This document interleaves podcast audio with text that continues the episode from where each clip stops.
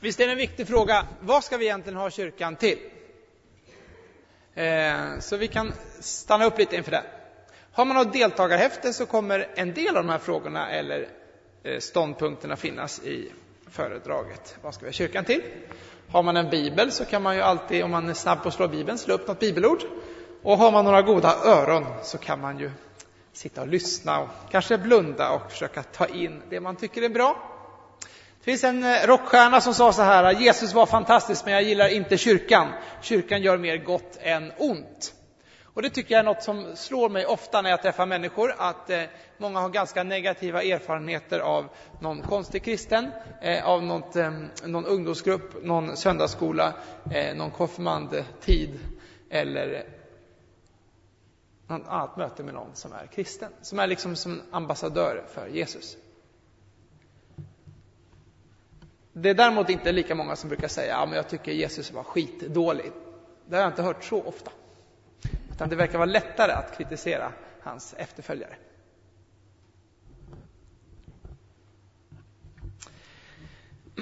Abraham Lincoln han var president under eh, amerikanska eh, inbördeskriget för nordsidan. Han sa så här en gång. Om alla de människor som somnar i kyrkan på söndag förmiddag lades ut i en lång rad, då skulle de ha det mycket bekvämare. Det var ju för 150 år sedan i USA. Eh, jag vet inte om det stämmer i Sverige idag. Men många har ändå erfarenhet av kyrkan, att man har liksom under sin konfirmandtid eller när man var barn eller vid andra tillfällen i livet liksom tvingats genomlida tråkiga eller jobbiga samlingar, gudstjänster, eh, gamla sånger, oengagerade präster. Men en sån bild av kyrkan och den kristna gemenskapen stämmer ju väldigt dåligt med en bild som Bibeln målar upp. Guds visioner eh, för det här med kyrka är något helt annat än vad vi människor ofta lyckas eh, få till. vi kan väl kolla lite på de olika aspekter som Bibeln tar upp om vad det betyder att vara en kyrka. Först kan man säga att eh, kyrka framförallt inte är en byggnad eller en organisation i Bibeln. Utan man kan säga att kyrkan handlar om Guds folk. Första Petrusbrevet 2.9, där talas det om att förut var ni inget folk, men nu är ni Guds folk. Eh, I den kristna gemenskapen får man alltså en ny identitet som är ännu starkare än den identitet man har utifrån sin födelse. Jag är född svensk, men ännu viktigare än att vara svensk är det att tillhöra Jesus Kristus. Det är den andra födelsen, eller liksom att bli född på nytt, som Jesus pratar om. Det är min viktigaste identitet i Guds folk. Eh, och det grekiska ordet för kyrka är eklesia, det betyder församling. Det är en samlad grupp av människor som samlas tillsammans eh, i Jesu namn. Ehm.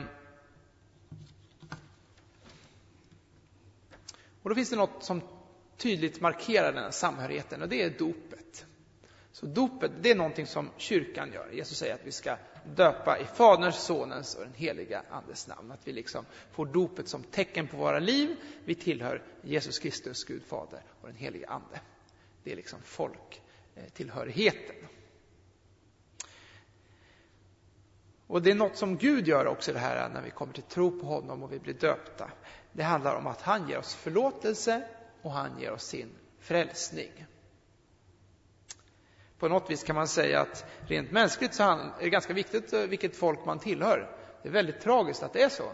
Men kommer man från fel land, rent diplomatiskt, då kanske man inte får inresa i det land man vill till. Man har fel pass. Kommer man istället från rätt land, då behöver man inte ens visa passet, utan då kanske alla gör honör när man kommer. Man kanske får VIP-biljetter. Det där upplevde jag när jag skulle gå en engelska kurs i England. Vi var från hela landet, eh, hela världen och det var en sommar. Jag behövde inte prestera någonting för att få visum till England. Jag behövde inte ens visum. Det var bara att åka dit. De var inte alls rädd för att jag skulle avvika där och gömma mig eller bli engelsman.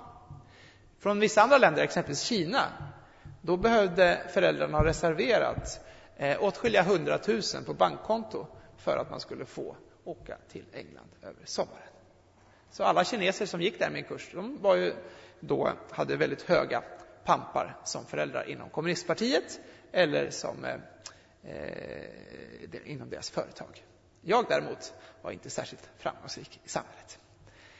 Vi tyckte att det var ganska intressant. Det land man kom för, det avgjorde vilken status man fick när man kom till England. Om man överhuvudtaget fick resa dit. Och på ett sätt så kan man tänka att det här med räddning och frälsning handlar lite om den aspekten också. Vi får vara med eh, i ett nytt folk eh, med Jesus Kristus som Herre. Och han är den starkaste. Att tillhöra det folket är det viktigaste. Och på något vis är det det som öppnar dörrar. Inte in till England, eller USA eller Sverige eller något annat land, men in i himmelriket, in i Guds rike. Den världsvida kristna kyrkan är ju mycket, mycket omfattande. Ungefär två miljarder människor säger att de är tillhöriga en kyrka om man ser till över hela världen. Det finns organiserade kyrkor i minst 270 länder och i övriga länder finns det så kallade hemliga eller underjordiska församlingar som förföljs hårt, som inte är tillåtna, men som verkar i hemlighet. I länder som Sverige så minskar kyrkan hela tiden. Svenska kyrkan tappade hälften av sina gudstjänstbesökare under de sista 25 åren. EFS exempelvis lägger oftare ner föreningar och församlingar än startar nya. Och så här ser det ut inom många andra kyrkor. Ser man till många andra länder däremot så har det gått totalt annorlunda. Om vi ser till Afrika som kontinent så fanns det inte så många miljoner kristna i Afrika för hundra år sedan. Idag finns det många hundra miljoner kristna i Afrika. Och ett land som Kenya räknas ungefär 80 procent av befolkningen vara bekännande kristna. Och i Sverige är det inte så många procent. Max 10 skulle jag gissa. I våra kyrkor är det ofta ganska tomt. Och i många andra länder så har man inte ens eh, tillräckligt stora kyrkor utan kanske får ha fem eller tio gudstjänster per söndag. Så vi kan se på den världsvida kyrkan. Vi kan också se på lokalförsamlingar. Det nämns också i Bibeln. Det talas om församlingarna i Galatien och församlingarna i Asien. Och så liksom besöker Paulus och de andra olika platser och det startas en grupp kristna som har kommit till tro på Jesus och de träffas tillsammans. Och de träffas ofta i hemmen som det står. Församlingen som möttes i Priskas och Akilas hus exempelvis. Och i vår församling är också så att vi har olika sorters mötespunkter. Vi har gudstjänsten som det största och sen så har vi andra grupper under veckan. Det kan vara korianderkören, det kan vara ungdomskvällarna, det kan vara barngrupperna, det kan vara eh, eh dagledigträffarna, det kan vara styrelse och annat. Där vi ses i Jesu namn, där han får vara i centrum. Och där vi kanske får en lite mer förtroendefulla gemenskapen. Det är det första, Guds folk. Det andra vi kan tänka på är att vi får tillhöra Guds familj det är också att vara med i kyrkan. Vi får ett nytt barnaskap. Eh, alla har vi vår familj som vi tillhör. På något vis har vi inte valt våra föräldrar eller våra syskon om vi har några, utan vi föddes in i den familjen. Men man föds inte in i Guds folk. Man kan ha lättare att komma dit om ens föräldrar eh, kanske låter den bli döpt när man är liten och eh, man går i kyrkan kanske och så man får höra om Jesus hemma. Då kanske det är ett lättare steg. Men det är inget som talar för att man vill vara kristen när man är vuxen ändå. Utan på något vis verkar det vara en personlig relation med Gud som gör att man, att man tillhör Guds folk. Det handlar om att vi får ta emot Jesus i vårt hjärta. Så säga ja till honom, att han får vara vår Herre och vår Gud. Då blir vi Guds barn. Så står Johannes 12.2. Åt alla de som tog emot honom gav han rätten att bli Guds barn. Åt alla som tror på hans namn. Vi har fått Gud som vår pappa, Jesus Kristus som vår frälsare och den helige Ande som vår hjälpare. Och därför blir vi syskon med varandra. Hur är man då syskon med två miljarder andra?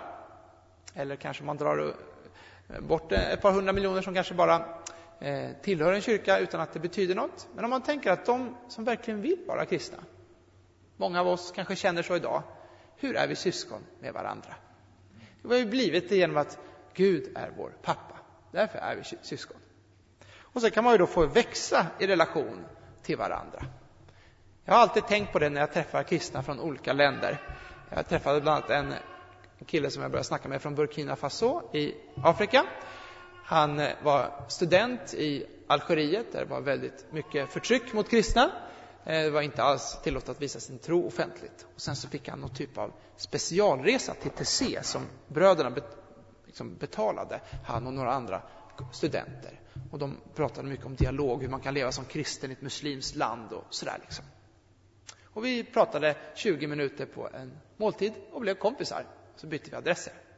Jag upplever ofta att så enkelt är det att bli vän med någon där man har den djupaste identiteten gemensamt. Vi kanske inte hade särskilt många intressen gemensamt eller referenspunkter, inte ens språket. Men vi hade kärleken till Jesus Kristus och Gud hade gjort oss till Guds barn. Och så är det i Guds familj.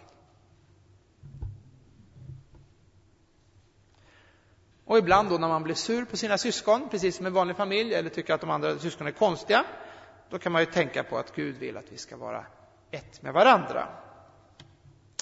Jesus uppmanar oss till att hålla fred med varandra och ta hand om varandra. Och eh, ett tydligt bibelställe om det som jag tycker är gott att ha med sig när man tänker på sina kristna från andra kyrkor eller i samma kyrka som man kanske tycker är lite jobbiga på olika sätt. Johannes, eh, första Johannesbrevet 4 och 20. Där skriver Johannes. Om någon säger jag älskar Gud men hatar sin broder, då ljuger han. Ty den som inte älskar sin broder som han har sett kan inte älska Gud som han inte har sett. Och detta är det bud som han har gett oss att den som älskar Gud också ska älska sin broder. Var och en som tror att Jesus är Kristus, han är född av Gud och den som älskar Fadern älskar också hans barn.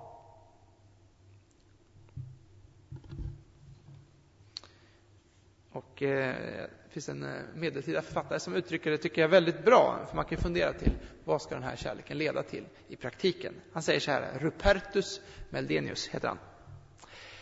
På de centrala punkterna enhet. På de diskutabla punkterna frihet.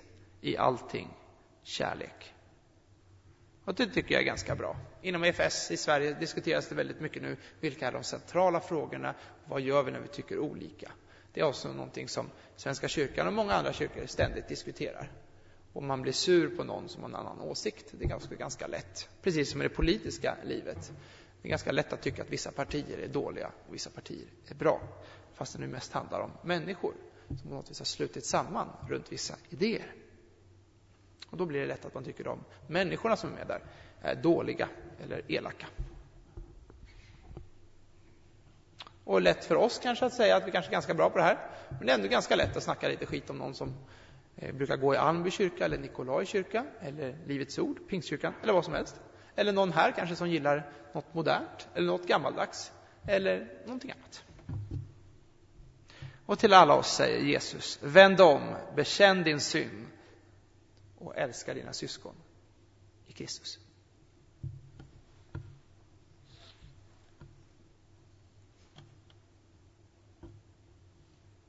Och jag tycker också att eh, påvens predikant, Raniero Cantalamessa, uttrycker det väldigt bra. Han säger så här. När vi kristna bråkar säger vi till Gud, du får välja mellan oss och dem. Men vår fader älskar ju alla sina barn.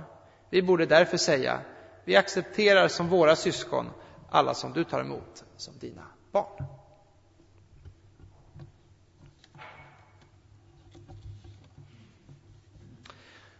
Så vi är alltså Guds folk, vi tillhör Guds familj. Vi har fått en ny identitet och vi har fått ett nytt barnaskap. Och sen så kallar, pratar också Jesus och Paulus framförallt om Kristi kropp. Vad betyder det då? Om vi tar Paulus som exempel så var det så att han förföljde de kristna. Han hatade de kristna, han tog fast dem han tyckte var rätt att de skulle dödas. Han var med när man stenade Stefanos. Och på vägen till Damaskus när han rider med sina kompisar för att ta fast de som hörde till vägen, de kristna i Damaskus, så drabbar Jesus honom med kraft. Han kastas av hästen, han blir blind. Och han frågar, vem är du? Och då säger en röst, Jesus säger, Saul, Saul, varför förföljer du mig? Och han förstår i det där mötet att när han gör de kristna illa är det Jesus Kristus han förföljer.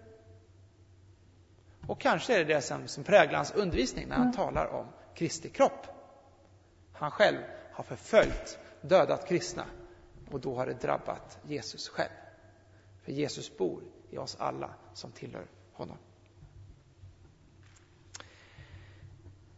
Och han säger i första Korintierbrevet 12, då utvecklar han det här att kroppen är en och att vi alla har olika delar varandra till tjänst. Kroppen har många delar med olika slags gåvor och olika slags verksamheter. Och poängen är det här att i vår kropp behövs allting. Om vi skulle eh, eh, få ett stort sår i handen som vi inte kan använda den, då får vi problem i hela kroppen, med hela våra liv. Som vi måste hantera. Och likadant i vår församling så kan en vara en hand och en kan vara Eh, eh, öron, ögon.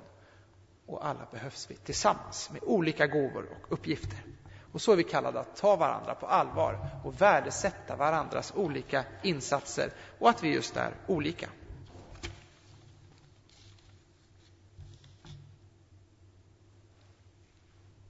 Ibland kan man känna att allt som händer i kyrkan är prästens ansvar.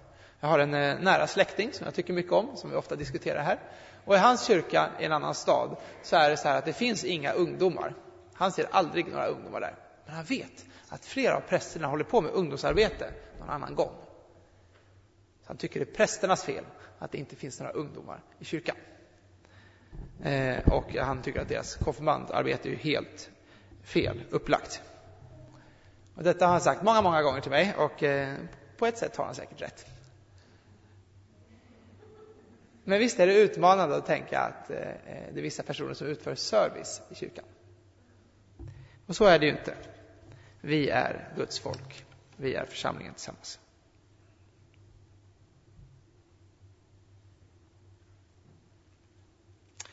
Sen så eh, talar också Bibeln om församlingen som ett heligt tempel.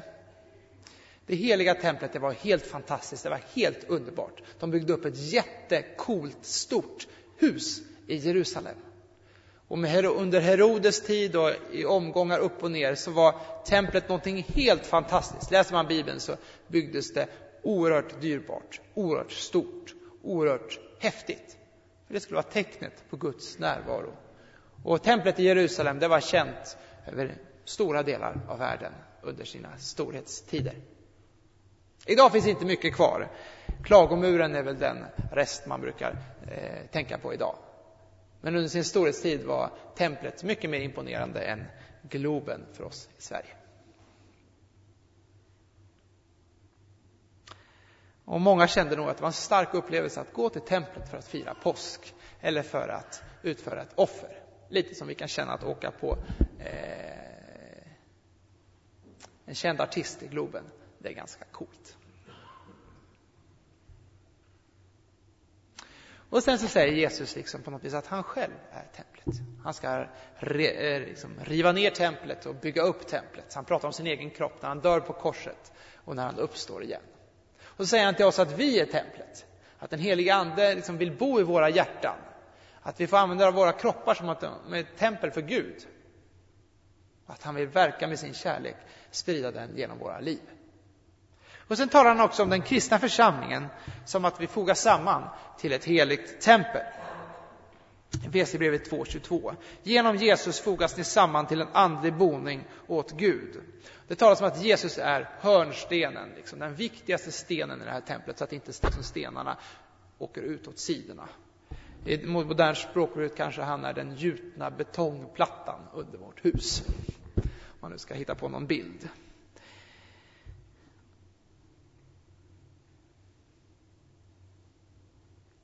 Och vi ser under Gamla Testamentets tid att det var en helig Gud som beskrivs. Det var få människor som fick nalkas honom och komma nära honom. Men genom att Jesus river ner templet och bygger upp ett nytt tempel i sin egen kropp och vi får vara del i kyrkan och vara med i relationen till honom så får vi komma nära honom.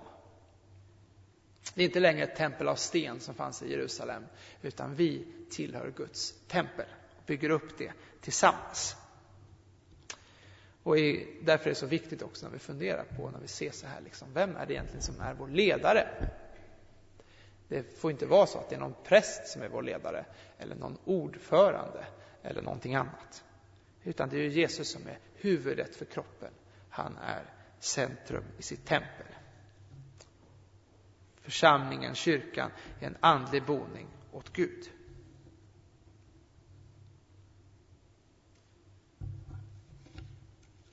Och sen så finns det en särskild sätt som vi träffas runt, som man kan tänka lite på runt det här. Och det är nattvarden. Vi ska bara titta lite grann på nattvarden. Om vi tänker att eh, när vi träffas i veckan, så här olika grupper, liksom eh, lite närmare och delar livet och tron och sådär tillsammans, så är det speciella med, med den stora gemenskapen och med nattvarden är ju på något vis att Jesus är närvarande på ett särskilt sätt. När man tänker tillbaka på den måltiden.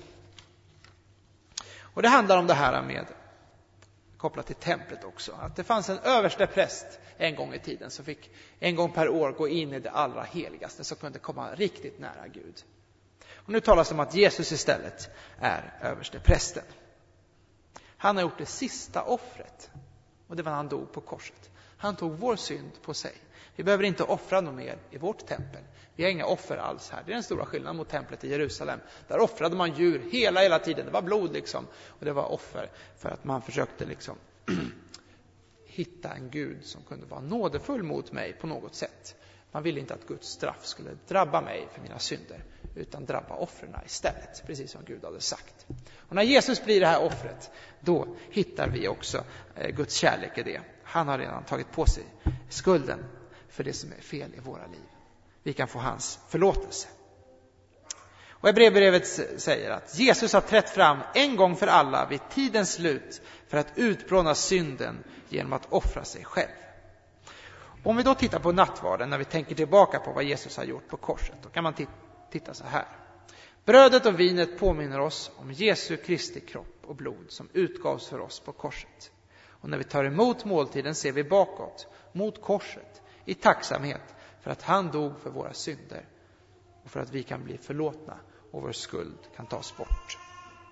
Och så tittar vi också framåt. Jesus kunde ha gett någonting annat för oss att titta tillbaka på vad han har gjort, än en måltid. Men han gav oss just en måltid. Och sen talas det om en stor och viktig måltid i framtiden för oss. Det står att en dag ska vi få fira den stora måltiden med Jesus i himlen i all evighet. Att nattvardens bröd och vin är en försmak av detta. Uppenbarelseboken 19.9, Lukas 22.16. Det handlar om att vi minns tillbaka på vad Jesus har gjort för oss. Att Gud har bevisat sin kärlek till just dig och mig. Och vi ser fram emot mot den måltid vi kommer få vara med om i himlen. Och sen så får vi titta omkring oss. Vilka är det egentligen som är med? Vi säger att vi är en delaktighet av Kristi kropp. På något vis att vi alla är Kristi kropp. Vi delar det tillsammans som en familj. Det är därför det inte känns lika bra tycker jag när man tar nattvard själv, om man är själv i kyrkan. Utan det känns mycket roligare om man är flera.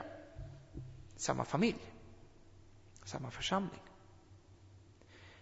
Eftersom brödet är ett enda är vi, fast många, en enda kropp, för alla får vi del av ett och samma bröd, alltså av Jesus Kristus, står det i Första Korinthierbrevet 10. Och sen så ser vi uppåt med förväntan. Eftersom brödet och vinet representerar Jesu Kristi kropp och blod och han lovar oss att alltid vara med oss genom sin ande, alltid när vi samlas i hans namn. Han säger ju, där två eller tre är samlade i mitt namn är jag mitt ibland dem. Matteus 18. Så när vi tar en nattvard, eller när vi ses i Jesu namn, då tänker vi med förväntan på Jesus. Och jag tänker på en gång när jag fick fira nattvard, ett litet, eh, ett litet kapell ute på landet i Säffle för sju år sedan.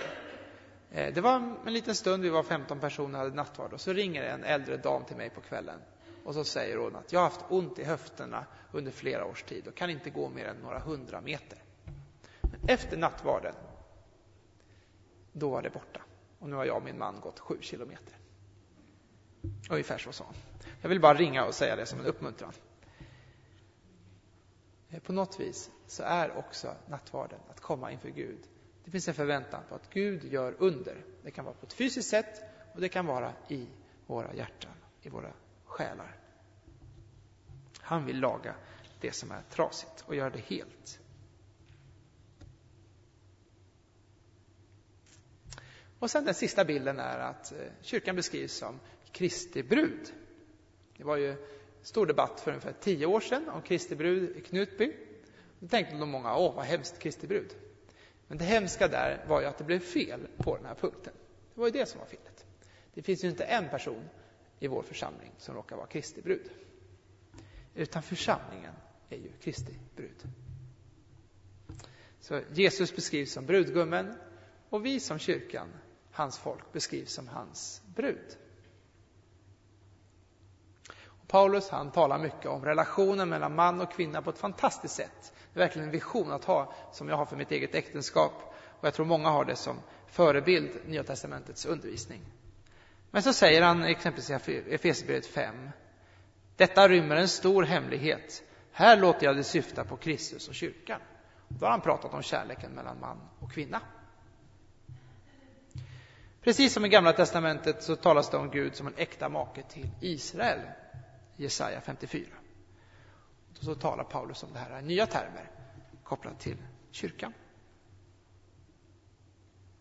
Och han säger till de äkta männen att älska sina hustrur så som Kristus har älskat kyrkan.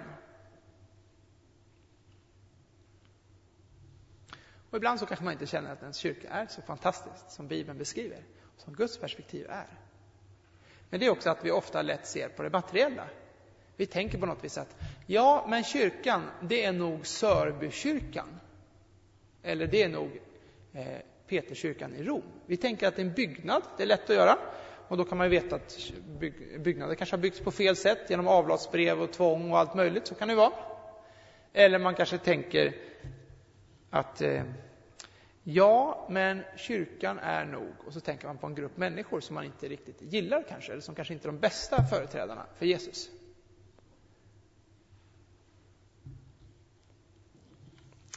Men på något vis handlar ju kyrkan om något osynliga gemenskap. Vi vet inte, vi ser kyrkans uttryck här. Men på något vis fogas vi samman i Jesus på ett osynligt plan, alla som vill tillhöra honom i sitt hjärta. Och det kan man inte riktigt se. Hur vet man vem av oss som verkligen följer Jesus i sitt hjärta? Det är ju svårt för mig som utomstående att bedöma, eller hur? Jag kan inte säga till någon, ja men du är en riktigt bra kristen, eller du är en riktigt dålig kristen. För det vet ju inte jag. Men Gud vet, och Gud har en relation till oss personligen som kan få uttryck i våra liv. Och vi kan se på vissa människor att Guds kärlek verkligen sprids genom den personen. Och i möte med sådana människor och en sån gemenskap kommer alltid människor till tro. Varför kommer så många ungdomar till tro på våra läger i omgångar? Jo, det är för att man som konfirmand kan se Guds kärlek i ledarteamet i funktion till övriga. Och då så är det många som väljer att bli kristna. Och på samma sätt är det ju en församling. Att när Guds kärlek får vara i funktion genom oss, då ser många människor vem Gud är på riktigt och börjar följa Jesus Kristus. Den sista bilden som jag tänker på, det här med att eh, kyrkan är, är Kristi brud, det är lite kopplat till science fiction, kanske Star Wars, Star Trek eller sådär. Liksom. Det behövs hela tiden ett moderskepp, eller hur? Om man tänker Star Wars så kommer så en Imperial eh, Destroyer, en stor stjärnkryssare. Och runt det stora, stora skeppet finns det massor av små rymdskepp liksom, som kan anfalla åt olika håll. Man vet att små attackplan finns inte fristående. Och igår så såg jag en film om andra världskriget och Japans expansion och USAs svar i Stilla havet. Och då så eh, förstod man ju också att det kan inte komma några attackplan plötsligt på Pearl Harbor bara från ingenstans. Utan det måste ju finnas hangarfartyg i närheten som skickar upp sina flygplan. Och så om man tänker lite på kyrkan, eh, om man är lite så militärt lagd då, eller science fiction, så kan man ju tänka att kyrkan är lite som ett moderskepp. Om Gud är vår pappa och kyrkan vår mamma, på ett sätt kan man ändå tänka lite så, eller hur? Eh, då finns vi i familjen liksom. Och då när vi är i, i, i församlingen då där Jesus kärlek verkligen är i funktion, då eh, kan vi vara ett sånt där litet rymdskepp eller stridsflygplan eller, eh, eller en, eh, liksom, vilket jobb vi nu har. Och få kraft i kyrkan att vara Jesu utsträckta hand på vår arbetsplats, i vår familj. Så behöver vi återvända lite regelbundet för att få kraft tillsammans med andra av Jesus Kristus. Vi får be tillsammans. Tack Herre att vi har ett så bra moderskepp i kyrkan och att du har sagt att inte överge eh, eh vår församling, vår eh, världsvida kyrka, utan att eh, eh, eh, du säger att ondskan aldrig ska få makt över den när du pratar med Petrus och när du lägger grunden för kyrkan. Att vi får tillhöra en, liksom en övernaturlig gemenskap där din kärlek är aktiv och verksam och att du älskar oss, att vi får vara dina barn.